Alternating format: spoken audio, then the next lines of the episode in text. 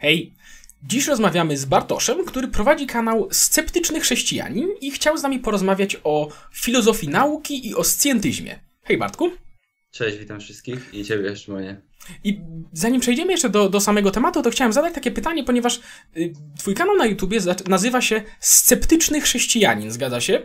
Tak jest. I właśnie sceptycyzm y, kojarzy się zazwyczaj raczej z postawą no właśnie kwestionowania wszystkich rzeczy, które do ciebie docierają i nie przyjmowania niczego na wiarę. Natomiast jakby na to nie patrzeć, chrześcijaństwo opiera się o przyjmowanie pewnych rzeczy bez możliwości ich y, bezpośredniej weryfikacji, prawda?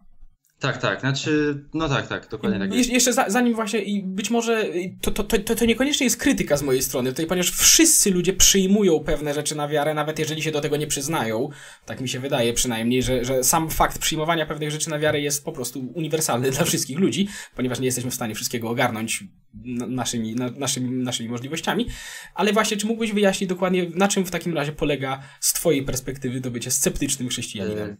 Przede wszystkim ja się tak nazwałem trochę prowokująco właśnie, bo sceptyczny chrześcijanin brzmi trochę jak oksymoron. Dokładnie. E, ale w rzeczywistości jako osoba, e, będąc chrześcijaninem, czuję się rzeczywiście jako sceptyk, w tym sensie, że staram się podważać e, jakby rzeczy, które są często popularne, można powiedzieć, popularne wierzenia, jakieś tak zabobony, czy to współczesne, czy, czy, czy w historii osobiście jako filozof uważam, że wszystko opiera się o, o, wiarę, w sensie przed wiedzą jest też wiara, bo na przykład w matematyce mamy aksjomaty, tak? E, no i kluczowe jest to, moim zdaniem, właśnie filozof właściwie, dobry filozof to jest ten, który wie, co wie i na podstawie jakiego wierzenia. Kluczowe jest to, żeby badać jakby swoje wierzenia pod względem w miarę ich racjonalności, spójności itd., tak itd. Tak e, no i właściwie sceptyczny jestem trochę też dlatego, że z jednej strony kiedy jestem chrześcijaninem, to i tak staram się badać tą teologię, staram się badać Pismo Święte i tak dalej, trochę też na własną rękę, oczywiście korzystając z autorytetów, tak, w sensie no, wiem, że wszystkiego nie ogarnę, więc muszę zaufać jednym, zaufać drugim, ale trochę też ich weryfikować, na tym polega trochę ten sceptycyzm, nie?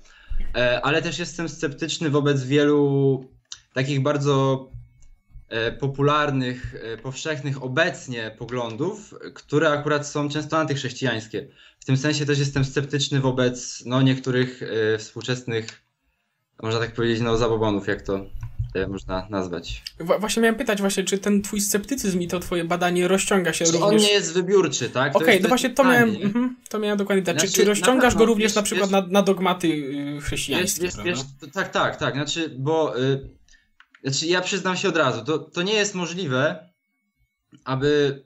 Y, w pełni mieć taki czysty światopogląd, w którym wszystko opiera się na racjonalności, nie? To jest prawda. Kluczowe jest to, kluczowe jest to, żeby starać się konfrontować z innymi poglądami, dlatego na przykład ja dużo oglądam ateistów, nowych ateistów i tak dalej i starać się na to jakoś odpowiadać, a jeżeli cię to przekona jakoś, tak, no to też zmieniać swój światopogląd, nie? Więc, więc moim zdaniem racjonalność nie polega na tym, że od razu wszystkie swoje poglądy masz dokładnie ugruntowane, tylko raczej jesteś otwarty na ich zmianę, to jest po pierwsze, a po drugie też wbrew pozorom nie jesteś też taką chorągiewką, bo to są dwie skrajności. Mhm. Bo jeżeli zawsze zmieniasz coś, jeżeli coś ci nie podpasuje, to też nie jest złe.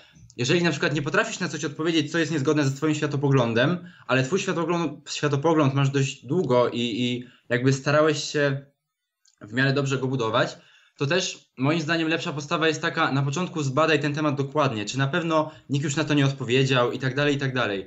E, no i w tym sensie, e, w tym sensie sceptyczny, w sensie taki samodzielnie badający, rozważający, bo też to, to, to znaczyło. Samo też sceptyczny, e, odnosząc się w ogóle do historii, czyli ze starożytności, jak był ten ruch sceptyków, sceptycy, pomimo tego, że podważali wszystko łącznie z możliwością właśnie wiedzy, mhm. niektórzy w ogóle na sceptycyzmie w średniowieczu opierali to, że właśnie wiara jest przed wiedzą, oni też bardzo dużo uporządkowali, dlatego że przed sceptykami, można powiedzieć, no, wiele rzeczy było tak łatwo udowadnianych, tak? Rozumiesz? I, i, i czasem były szkoły, różne nurty filozoficzne, jedni mówili jedno, drudzy mówili drugie, to było zupełnie sprzeczne, a sceptycy mówili, mówili no skoro to jest sprzeczne, no to wszystko jest bez sensu i to powodowało, że trzeba było to uzasadniać. Tak, bo to były czasy przed metodą naukową też, prawda? Więc tak, nie było, tak. że tak powiem, jednej... No nie chcę mówić obiektywnej, bo to nie byłaby do końca Znaczy, prawda. metoda naukowa też się zmienia, wiesz? Y, Ale, tak, ale oczywiście, tak, ale nie było, nie było takiej, nie, było umu, nie byliśmy umówieni na jedną skuteczną metodę badania natury po prostu wtedy, tak, jak Tak, teraz więc, jesteśmy. więc w, tym sensie, w tym sensie sceptycyzm, który domaga się uzasadnienia od innych, Mhm. ale też przed siebie i jakby cały czas szuka tego uzasadnienia, bo, bo nigdy nie będzie tak, że mój światopogląd będzie w pełni uzasadniony, nie? Ale, ale ten szukający uzasadnienia i podważający też trochę to, co samemu uważa, to, co ktoś inny uważa, no czuję, że, że to jest pewna inklinacja, na której nawet właściwie nie miałem wpływu. W sensie to jest trochę z moich genów, tak mi się wydaje, nie? Możliwe. W I, tym sensie tak. I wydaje mi się, że bardzo właśnie zwróciłeś uwagę na bardzo, bardzo istotną rzecz, że no, nikt z nas nigdy nie będzie w 100% w pełni racjonalny. Ni, ni, żaden, żadna hierarchia wartości, żadna struktura poglądów nie będzie nigdy w 100% racjonalna i nie oparta o żadne, o żadne właśnie aksjomaty, tak jak wspomniałeś.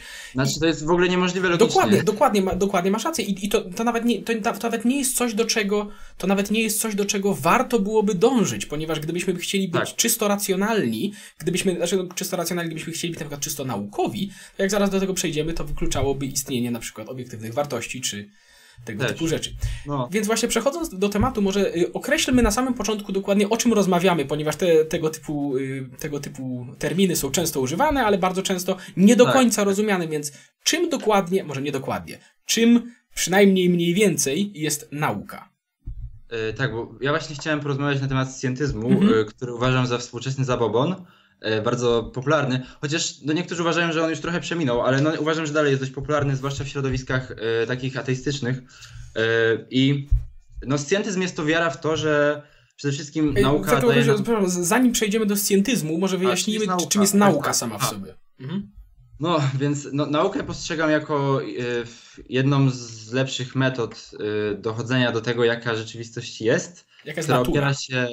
Słucham? Jaka jest natura chyba dokładnie rzecz ujmując, jeżeli chcielibyśmy Tak, no być... natura rzeczywistości. No to tak, mniej więcej. No to, to można różnie nazywać, nie? No właśnie, wchodzimy tutaj w takie nie do końca sprecyzowane po prostu terminy. Ale, ale na, nauka na pewno jest pewną metodą poznawania. Mhm. Yy, I no, ta metoda poznawania ma wiele bardzo wspaniałych cech. Jedną z cech to jest to, że empiryzm, czyli opieranie się na doświadczeniu, tak, trochę, ale też yy, matematyka. Yy, właśnie nauka, yy, mówi się, że, że metoda naukowa współczesna powstała od Galileusza, który przestał, znaczy może się z tym nie zgadzać, ja to, to, to jest mój pogląd, nie na Mhm. podstawie tego systemu. On jakby przestał e, tylko czytać teksty starożytne, bo, bo w czasach Galileusza jakby mówiono, że fizyka czy tam przyroda jest taka, ponieważ u Arystotelesa jest napisane Mhm. to i to. A Galileusz powiedział, no to sprawdźmy. E, I on właśnie zaczął te, robić te eksperymenty z tej krzywej wieży w Pizie, zrzucać te, te, te rzeczy i się okazało, że, że no, tu się nie, nie zawsze zgadza. Więc Galileusz połączył właśnie obserwacje i opis matematyczny, który trochę te obserwacje przekracza, w tym sensie, że na podstawie kilku obserwacji mówi o całości, znaczy w miarę uogólnia, można powiedzieć, nie? Matematyką uogólnia obserwacje. Mhm. E, Innym kluczowym zagadnieniem w nauce jest oczywiście kwestia krytyki i replikowalności, e, Dokładnie. czyli to, się, to się są te dwie zasady, intersubiektywna komunikowalność i intersubiektywna sprawdzalność, czyli no, jeżeli mówisz coś, co jest słabo zrozumiałe, to raczej to nie jest nauką. E, W tym sensie poezja nie jest nauką, chociaż moim zdaniem często bywa bardziej wartościowa, ale to nie będę teraz się w to zagłębiał. E, I intersubiektywna sprawdzalność, czyli no, mogę powtórzyć ten eksperyment. E, Jeżeli ktoś mi mówi na przykład, no tutaj są wyniki eksperymentu, jest tak i tak, no to ja powinienem na podstawie tego artykułu powinienem móc to jakoś zreplikować. I e, no, to jest nauka w sensie ideału, ja mi się wydaje, wiesz, w sensie Oczywiście. E, Tak powinno być, nie zawsze tak jest. Na przykład z psychologią jest problem z replikowalnością.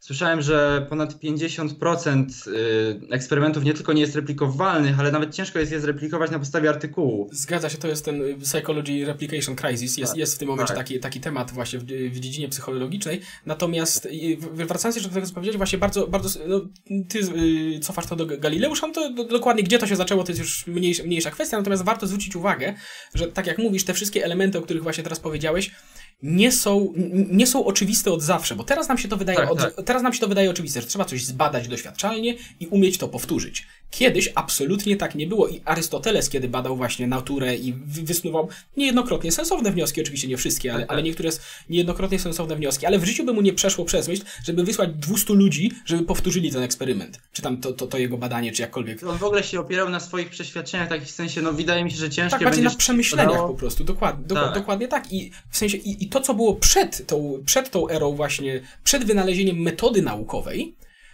ja myślę, że tego nie można nazwać po prostu nauką, chociaż też było to pewne badanie rzeczywistości i też było to ono oczywiście do pewnego stopnia skuteczne, no bo budowane na tej zasadzie maszyny, prawda, tak. badano świat i tak dalej. To też było ja skuteczne. Ja się w 100% z tobą zgadzam. Wiesz, Natomiast w sensie właśnie ja uważam... nie była to nauka i w tym kontekście ja mam na myśli, że nauka tak, tak. jest bardzo młoda w, we współczesnym rozumieniu tego słowa. Ona ma ledwie kilkaset lat. Wcześniej, tak, tak. no też były metody badania natury, ale nie były to metody naukowe.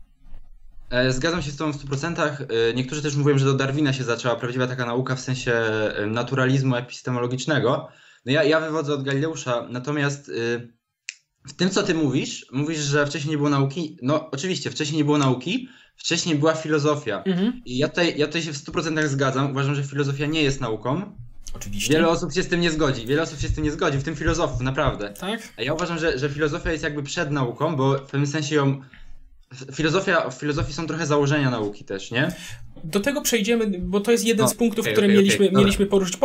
Ale masz rację, y, słuszna uwaga, że nauka też ma pewne założenia filozoficzne i tak jak tak, mówiłem, tak. do tego przejdziemy, tak. tego, do tego przejdziemy za chwilę.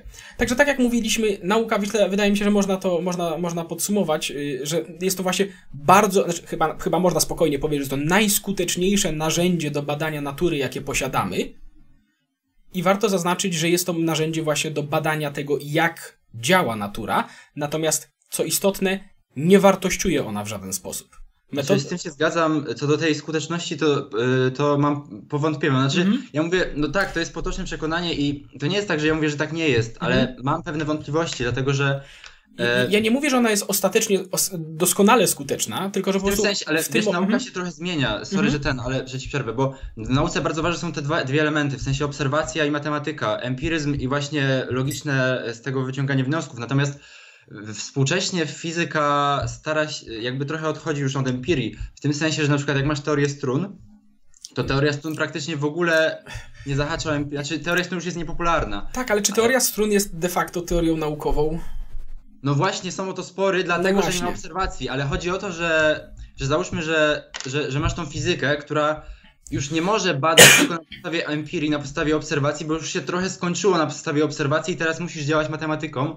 No jeżeli za 200 lat w fizyce już w ogóle nic nie będzie z obserwacji, tylko sama matematyka, jakieś tam rozważania, to wtedy powiesz, to już nie jest nauka. I ja się z tą zgodzę. To już nie jest to samo, tylko że nauka, wiesz, pojęcie nauki to nie jest takie sztywne pudełko, to jest trochę też no nie chcę powiedzieć jakoś, jakoś bardzo płynne, ale rozumiesz. Ale to się rozszerza się to po prostu, podlega to no, zmianom. Ewoluuje, Oczywiście, ewoluuje, tak, tak, tak, tak mi się wydaje, no. Okej, okay, w sensie ja się absolutnie z tym nie zgadzam i ja absolutnie nie twierdzę, że nauka jest y, ostatecznie jedynym, y, najlepszym, w sensie możliwym, doskonałym narzędziem do poznawania natury, natomiast na chwilę obecną za bardzo nie mamy żadnej innej sformalizacji. Żadnego, świetna, tak, tak, tak. No są, jest bezdyskusyjnie jest, jest po prostu. świetna, zwłaszcza dlatego, że jest bardzo łącząca, mhm. w tym sensie, że jest ponadkulturowa. Tak. Bo e, o czym też nieraz czytam, filozofia jest znacznie mniej ponadkulturowa. Zgadza się. To jest, to jest bardzo, to jest bardzo tak, słuszna tak. uwaga, że nauka jest, znaczy może nie tyle jest, ponieważ też ciężko, ciężko Yy, Zależy też jaka, no bo socjologia i tak dalej, nie? Ale chodzi o nauki Tak, tak, tak, tak. Mówimy o, nauki, o naukach przyrodniczych. Oczywiście nie da się nigdy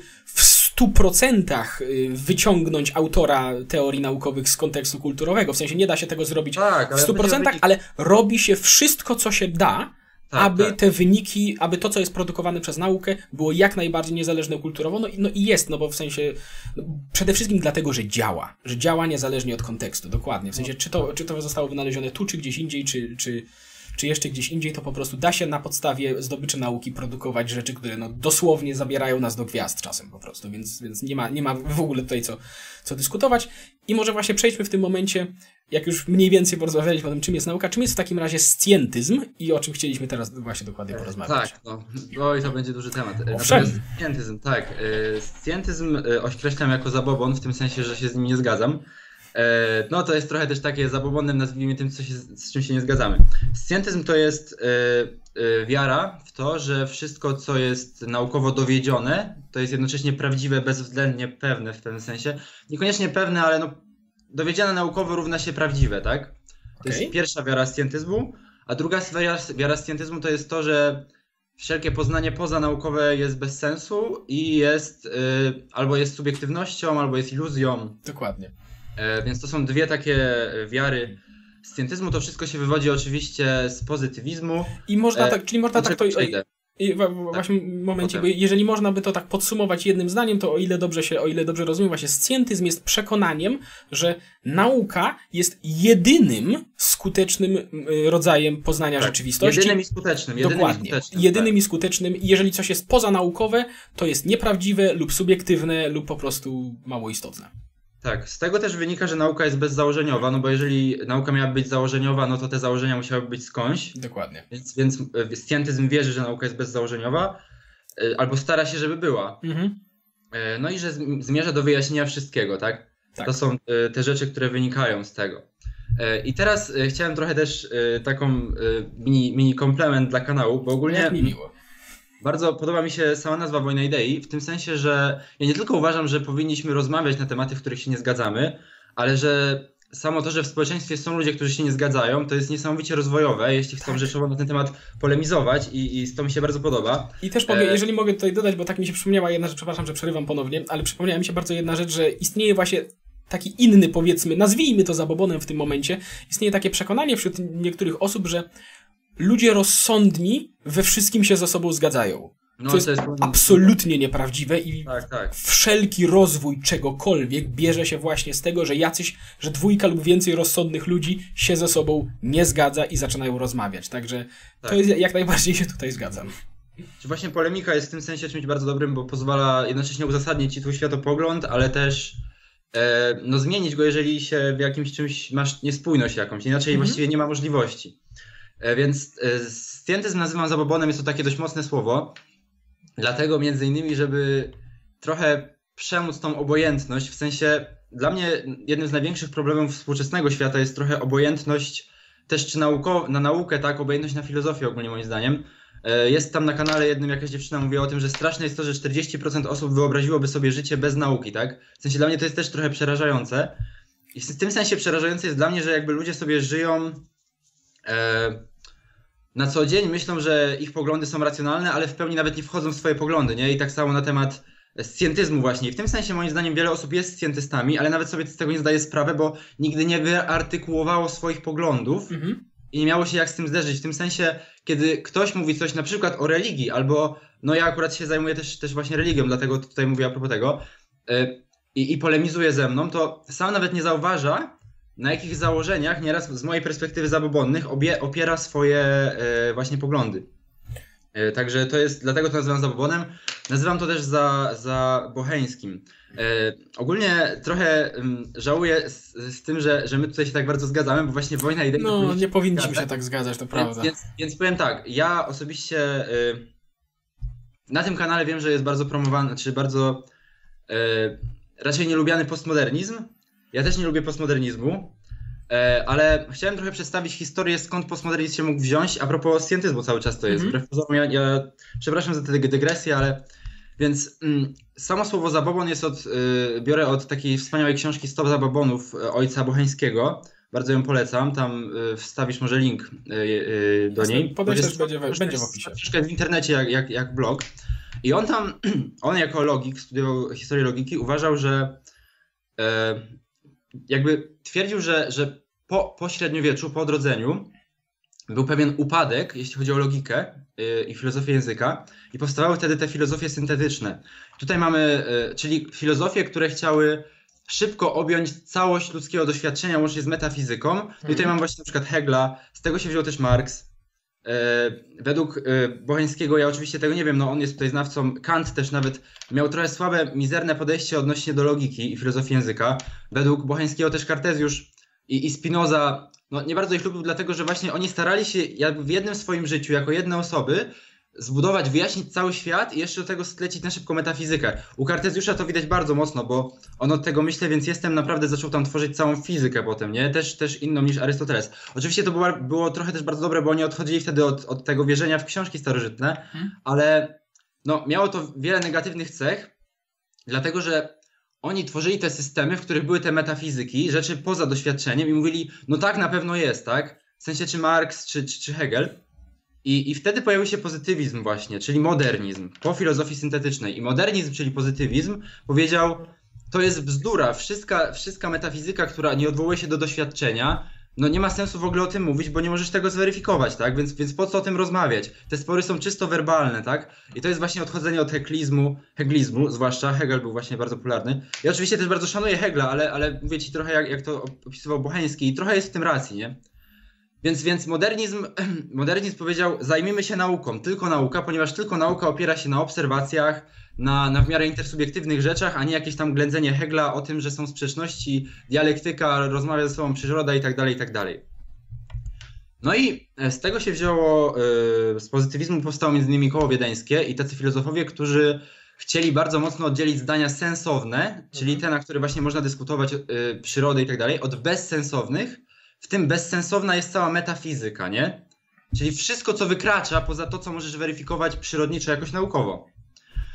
I oni, oni e, w tym kole wiedeńskim, to był początek XX wieku, chcieli filozoficznie jakby uzasadnić e, to, jak nauka jest sensowna, a wszystko inne jest bezsensowne. I z tego powstało wiele problemów. W sensie, no były tu filozoficzne sprzeczności, nie?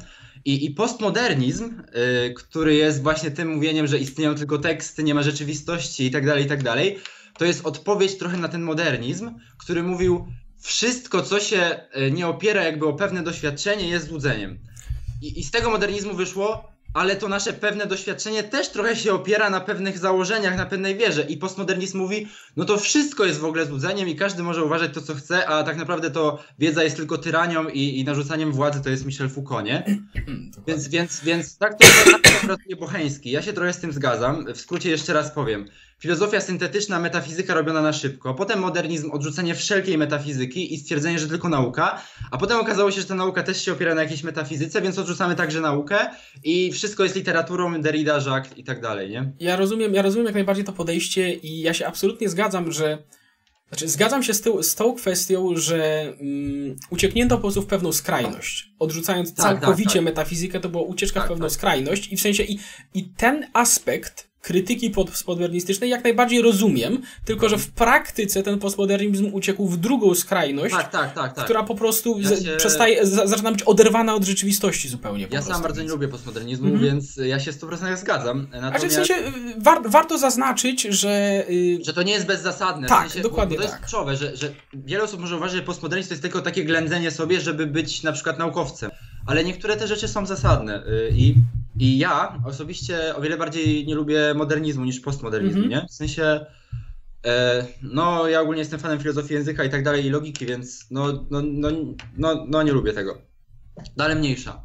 E, więc to jest tak w skrócie. Jeśli podobał się Wam ten odcinek, to zobaczcie również inne nasze filmy. Zachęcam też do odwiedzenia naszego Facebooka, a jeśli ktoś chciałby nas wesprzeć, to zapraszam na nasz profil na Patronajcie. Do usłyszenia.